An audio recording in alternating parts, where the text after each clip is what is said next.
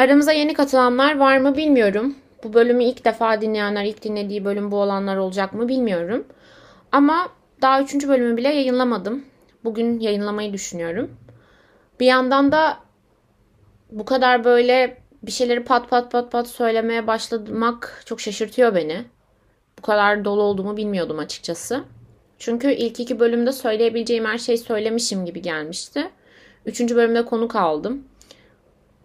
Çok mutlu, çok mutsuz, keyifsiz olduğum anlarda da konuşabileceğim belli konuları konuştuk. Ama artık sanki dörtte beşte bir şey bulamayacakmışım gibi hissediyordum. Ama her gün farklı bir şey hissediyorum gerçekten.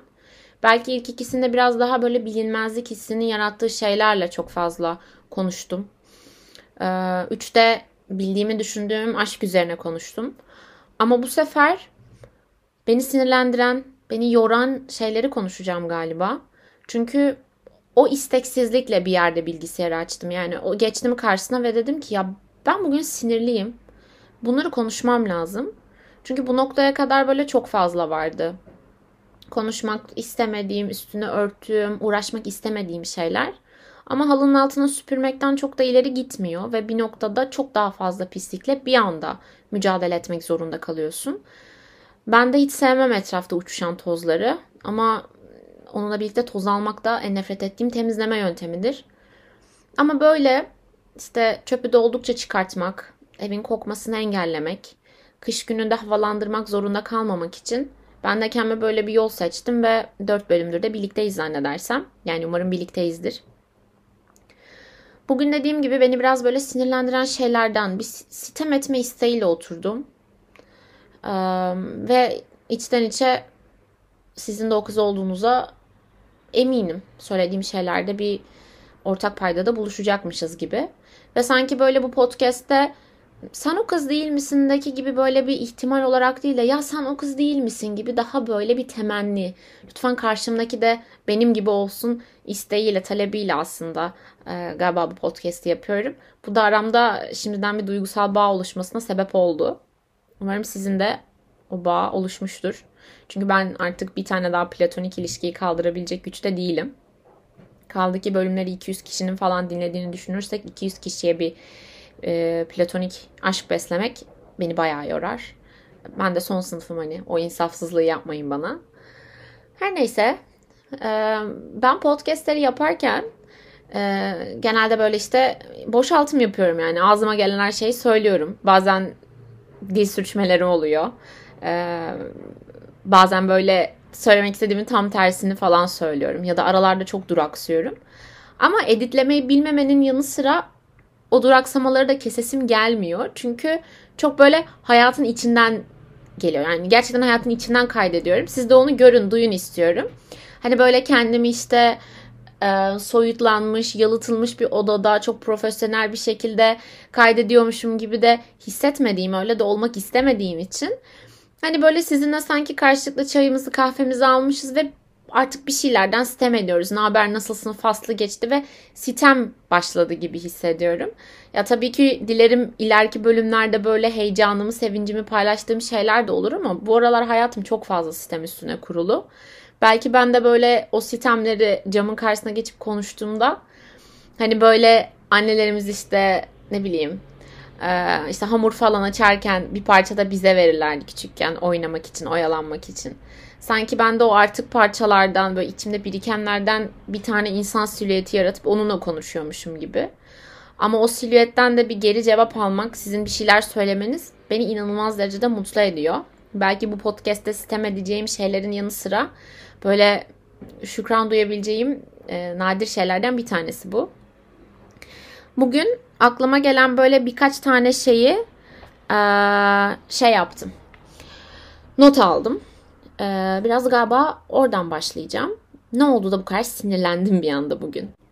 Bugün böyle bütün sinirim güne başladığımda havalanması için balkona koyduğum pantolonu orada unutmam ve sabah onu buz gibi bir şekilde giymemle başladı.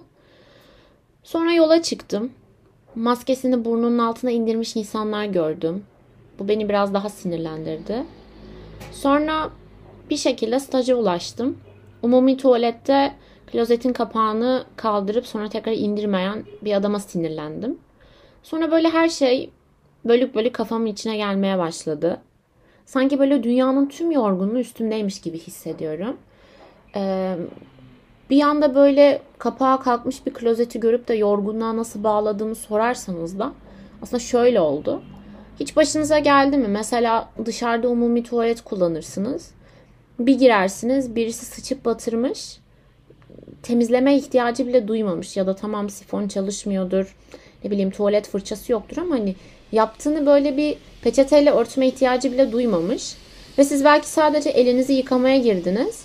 Ama yine de sırf o pislik size aitmiş gibi görülmesin ve siz başkasının hatasıyla yargılanmayın diye böyle bir başkasının sıçtığını temizlemek. O geldi aklıma. Ve hani bu aslında gerçekten çok da insanın başına gelebilecek bir olay olmasının yanı sıra çok fazla da olayı çağrıştırıyor. Yani yaptığımız bir sürü başkasının bokunu temizlemek gibi eylemler var. Yapıyoruz yani bunu. Ve hani öyle ki kendi yaptığımız pislikleri temizlemek de çok daha ayrı bir külfet gelirken hani böyle insan bazen gerçekten yere düşürdüğü bir kitabı bile aylarca oradan almazken bir başkasının yaptığını temizlemek aslında biraz kanına dokunuyor. Hele ki o insan tanımadığın etmediğin birisi ise bir sinirlendiriyor seni. O geldi aklıma. Sonra dedim ki hani bütün derdin tasının arasında kendin sebep olmadığın bir boku bile böyle fırçayla oflaya püflaya dibe itmeye çalışıyorsun ya. Bunun ne kadar yorucu olduğundan bir anda böyle dünyanın bütün yorgunluğu üstümdeymiş gibi hissettim. Ama yorgunluk kelimesinin de öyle çetrefilli bir tarafı var ki nankör bir kelime. Çünkü her şey için söylüyoruz bunu. Bütün gün yürüyorsun, dolaşıyorsun. Belki çok eğlenceli bir aktivite yapıyorsun. Sonra of çok yoruldum diyorsun. Ayaklarına kara sular iniyor. Ya da ne bileyim işte spor yapıyorsun bunu kendin için yapıyorsun. Çok yoruluyorsun ne bileyim. Dünyanın en iyi seksini yapıyorsun. Of çok yoruldum deyip alnındaki teri siliyorsun. Ama bir de ruhen çektiğin yorgunluklar var. O zaman of yoruldum dediğinde bir noktada da diyorsun ki ama bu yorgunluk benim az önce saydıklarımla aynı değil. Hani benim ne kadar yorulduğumu görün, anlayın, hissedin istiyorsun. Ama bu o kadar her şey için kullanılan bir terim ki hani açamadığın bir turşu kavanozunda bile bir ofladığında, elini ovaladığında kullanmadan o yorgunluğu mimiklerine, jestlerine gösteriyorsun. O yüzden yorgunluk bu kadar ele ayağa düşmüşken insanın ruhi yorgunluğundan, ruhi de neyse yani, ruhani yorgunluğundan böyle bahsederken bunun basite indirgendiğini düşünmek, tam karşılığının yorgunluk olması ama bir o kadar da içinin boşaltılması da sinirlendiriyor ve bugün buna çok sinirlendim. Hani böyle gerçekten çocuk gibi böyle yere yatıp yerin kirini pasını hiç umursamadan böyle bir de çocuklar böyle montlarını giyerler. O montun içinde hareketleri de kısıtlanır. Kendilerini böyle yere atarlar, debelenirler ya. İşte o şekilde bir an için yerde ne kadar pisliğin olduğu, ne kadar mikrobun olduğu, dışarıda koronanın olduğu bunların hiçbirini umursamadan böyle yere yatıp dünyanın bütün yorgunluğunu hissettiğime dair bağırmak istedim. Ve sanki ne kadar sesimi yükseltirsem o kadar ikna edici olacakmışım gibi. Sonra o bağırtı ihtiyacının, bağırma ihtiyacının sesini ne kadar insana duyurabilirsen o kadar varsın. O kadar hissinde gerçek gibi bir inançtan kaynaklandığını düşünerek Dedim podcast yapacaksın yani yine. Yine oturup bilgisayara konuşacaksın ve belki yere yatıp bağırmaktan, debelenmekten ziyade daha tek düze bir ses tonuyla, daha desibelimi stabil tutarak sizinle konuşuyorum ama aslında ne kadar fazla insan dinlerse o kadar sesimi dünyanın bir yerinden bir insan duymuş gibi hissediyorum. Hani belki dünyanın bir yerinden çok uç bir e, söylem oldu. Hani ulan kimsin seni dünyanın bir ucundaki insan dinlesin diyorsunuz ama bu arada Finlandiya'dan ve Norveç'ten dinleyicilerim var. Hani bu da e, dipnot düşmek isterim. Yani demem o ki hani beni şu an ben evimde otururken Beylikdüzü'ndeki biri duyuyor ve dinliyorsa o benim için zaten dünyanın bir ucudur. Ki zaten Beylikdüzü dünyanın bir ucudur ama hani bu faktleri de bir kenara bırakırsak aslında sesini duyurma ihtiyacını inanılmaz karşılayan bir yer bu podcast. Ben konuşuyorum. Kimseye hesap vermiyorum. Polemiklere de girmiyorum. Çünkü en büyük polemiğim kendimle zaten. Hani kendimle tam anlamıyla bir ne kavgam bitti ne sevdam ilişkisi yaşadığım için siz benim karşılıklı atışmamı dinliyorsunuz. Ve belki zaman zaman atıştığım insan ya da işte ona savunma yapan ben olarak kendinizi görüyorsunuz ama tabii ki benim için önemli olan kendinizden de bir şey bulmanız. Hatta bazen tartıştığım ben ve konuşan benden ziyade konuştuğum şeylerden bile bir şey bulmanız çok kıymetli benim için. O yüzden bu konuşma süreci bana çok var hissettiriyor ve ben de yorgunluğun içine kadar boşaltılırsa boşaltırsın konuştukça onun gerçekliğine bu kadar insanları inandırabilirmişim gibi hissediyorum. O yüzden yine oturdum ve konuşacağım. Son dönemde harbi harbi çok yorgun hissediyorum. Hani böyle yatağa yatayım, hiç kalkmayayım ve uyandığımda her şey bitsin istiyorum.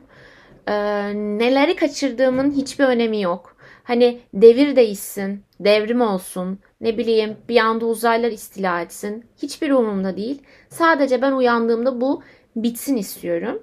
Ee, ve böyle yorgunluktan girince böyle notlarıma girip işte birkaç tane şey bahsetmek istediğim şeyi kenara yazdım. Mesela şu an onlara bakıyorum. Baktığımda bile şey diyorum. Ben bunu acaba hangi mantıkla yazdım? Ne söylemek istiyordum? Çünkü iki saat önce bu notu alan Sima'yla şu an burada konuşan Simay arasında bile bir değişim var ve bu beni çok şaşırtıyor. Ama bu değişim de şöyle yani değişmeme rağmen o iki saat önceki Simay'ın yükünü de hala taşımaya devam ediyorum. Bu da yorgunluğumu çok pekiştiren bir şey. Hani insan önünde çok uzun bir yol olduğunu bilerek ya da çok uzun bir hayat olacağını umarak yaşarken bütün yüklerden arınmak isterken nasıl kendi kendinin kamburu olduğunu fark eder ve bu gerçekle yaşar.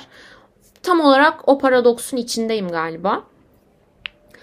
Bu aralar her şeye öfkeliyim ve gerçekten hem soyut olarak hem de somut olarak bütün mecazlardan arınmış bir şekilde sırf benim üstüme kalmasın diye insanların sıçtığını temizlemek zorundaymışım gibi hissediyorum.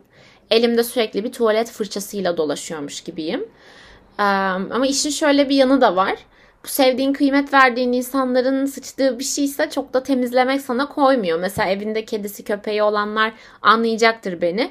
Takıyorsun eldiveni, çat çat alıyorsun böyle. Hatta elinde o atığı tutarken de bir yandan şeyi prosesliyorsun. Ha iyi tamam hala düzenli tuvalete çıkıyor.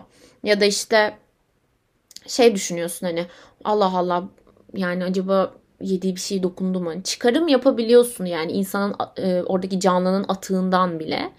E, ve düşününce yani kedi köpek bile yaptığı şeyin üstünü örtebilirken insanların onu orada o şekilde bırakması beni çok rahatsız ediyor. Ama bu rahatsızlık sadece hijyene dayalı bir rahatsızlık değil. Hani tamam 3 bölümdür metafor yapa yapa artık böyle sanki dünyada üstünde konuşacak metafor kalmamış gibi hissetmem bir, bir kenarda dursun. Şu an belki en feci metaforu yapacağım ve belki hani şey falan bu noktaya kadar dinlediyseniz ve bu şu an yapacağım metaforu beğenmezseniz lütfen feedback verin. Ben bir de onun derdine düşeyim ama gerçekten merak ediyorum bu feedback nasıl bir şey uyandıracak sizde. Benim galiba o geride bırakılan ve benim üstüme kalacağını düşündüğüm atığı temizlemeye bu kadar gücenmemin sebebi insanların beni tam olarak o umumi tuvalette sıçılıp üstüne bir sifon bile çekilmeyen bok gibi hissettirmeleri. Gerçekten külçe gibi oraya böyle lök diye düşüp oturmuşum. Hatta öyle ki belki üstüme sifon çekilmeye de çalışılmış ama ben gidememişim gibi hissediyorum. Şimdi benim için çizilmiş bir gider var. O giderden döküleceğim ve ait olduğum yere gideceğim yani. Bir tabakhaneye düşeceğim ama benim gibileriyle olacağım. Nicesiyle olacağım. Hatta belki etrafımdakilere bakıp ama ben o kadar da kirli değilmişim falan diyeceğim. Ama o kadar doluyum ki o giderden bile geçmiyorum. Ve sanırım tam olarak o gideri tıkayan konumdayım ve artık böyle sifon çekile çekile ben galiba o suyu dışarı atmaya başladım. O yüzden bu da benim biraz o tesisatı bozduğumun göstergesi. Artık tam olarak hayatımın şey noktasındayım. Bugün itibariyle hissediyorum bunu. Belki yarın farklı hissedeceğim bilmiyorum. Belki bunu atacağım. Sizinle birlikte dinlerken 20. 20. dakikada diyeceğim ki abi ben böyle de hissetmiyorum şu an ama falan. Ama hayatta böyle yani. Ne hissettiğimi her zaman kontrol altında tutabiliyor olsam zaten şu an muhtemelen dünyayı ya da en azından kendi dünyamı kurtarıyor olurdum. Burada bıdır bıdır konuşmazdım. Yani artık böyle şey konumundayım hayatımda. Ben o gidere, gidere atıldım mı? Gerçekten bir bok gibi bırakıldım mı? Bırakıldım. Peki artık o giderden geçebiliyor muyum? Geçemiyorum kocamanım yani sığmıyorum. Beni o kadar fazla tutup taş yapmışlar ki içlerinde. Ne yapacağım? Taşıyacağım o zaman. Orada olduğumu, unutulduğumu ve orayı tıkadığımı fark edene kadar üstüme dökülen bütün suyu dışarı kusacağım. Böyle ofansif hatta belki ofansiften ziyade defansif bir konum aldım.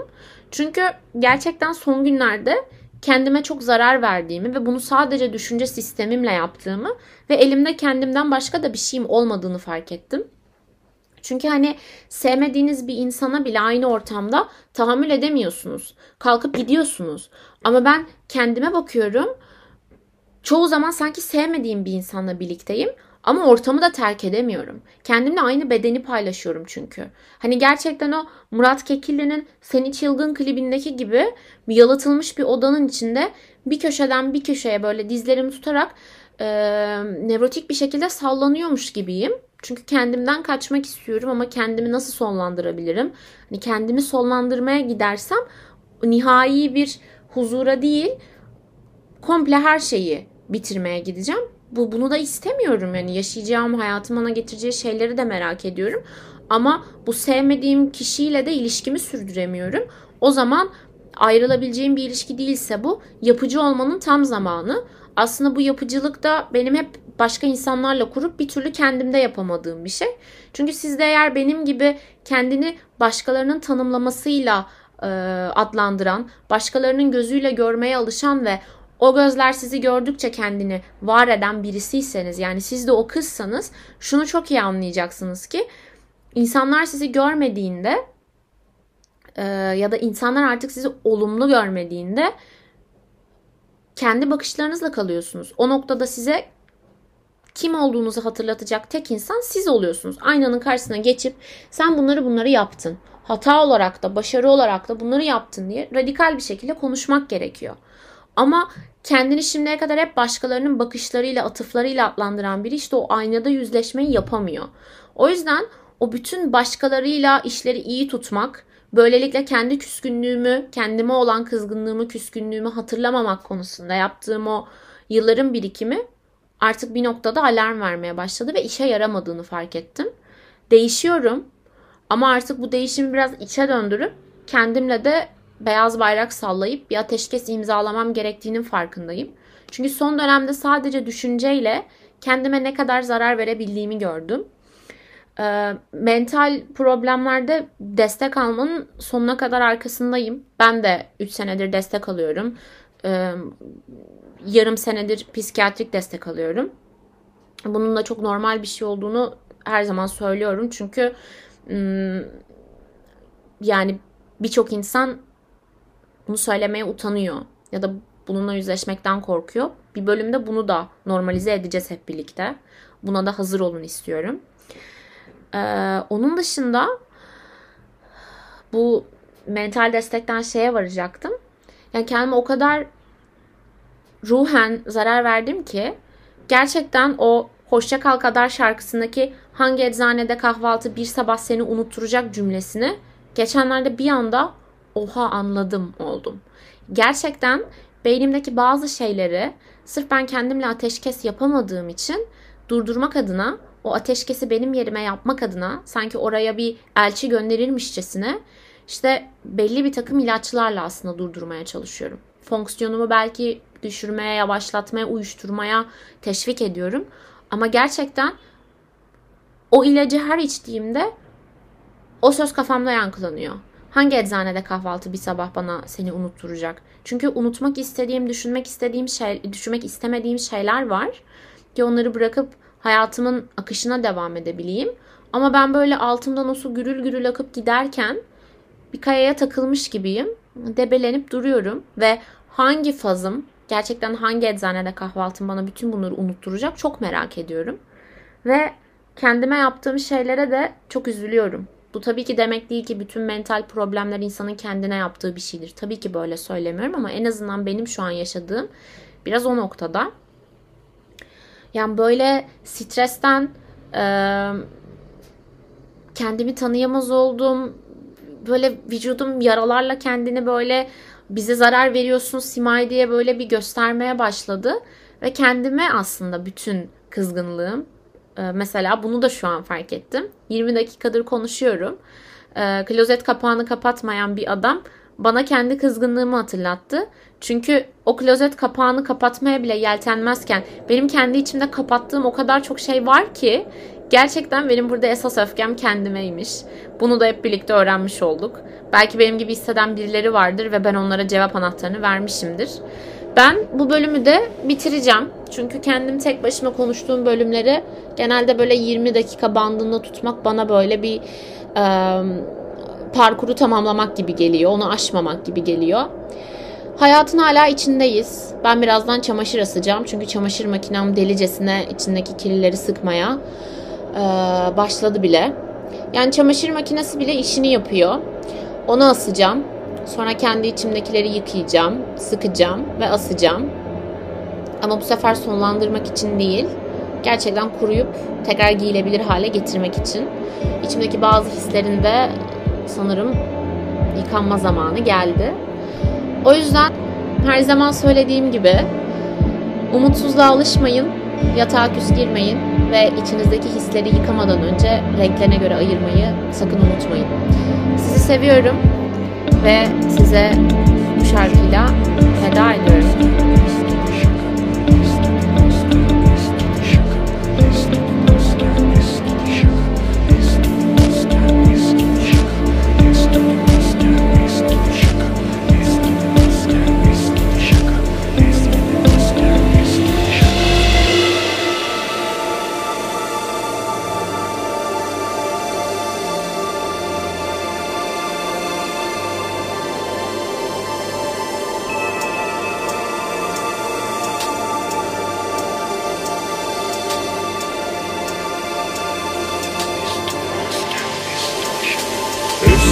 ediyorum. masken eskidi şaka.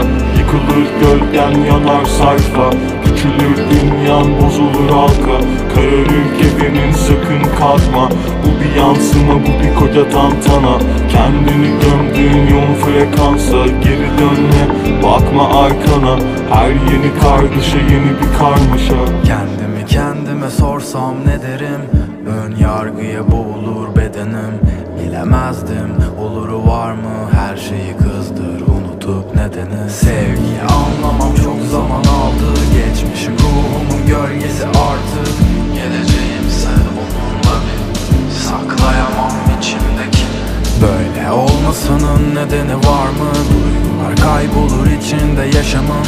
Salabilsem akacak hayat Kalabilse zihnim yanımda. Kucakla değişimi kesilmez erişimin. İzleme yok edilişini Hayatımın bir parçası senin parçalarınla bütünleşir.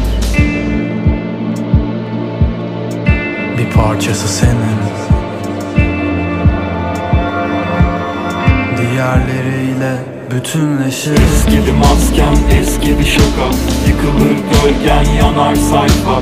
Küçülür dünyan bozulur halka. Kararır kefenin sakın kalkma bir yansıma bu bir koca tantana.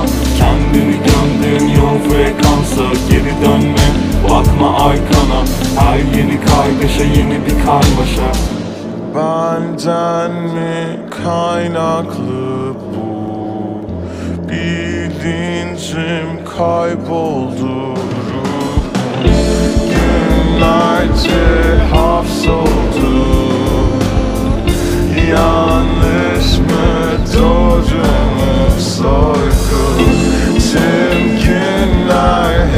aynı. İnsanlar çok farklı birbirinden. İzlerim yönlendirse Mantık beni köşede beklese Cesaretle değecekse Senelerce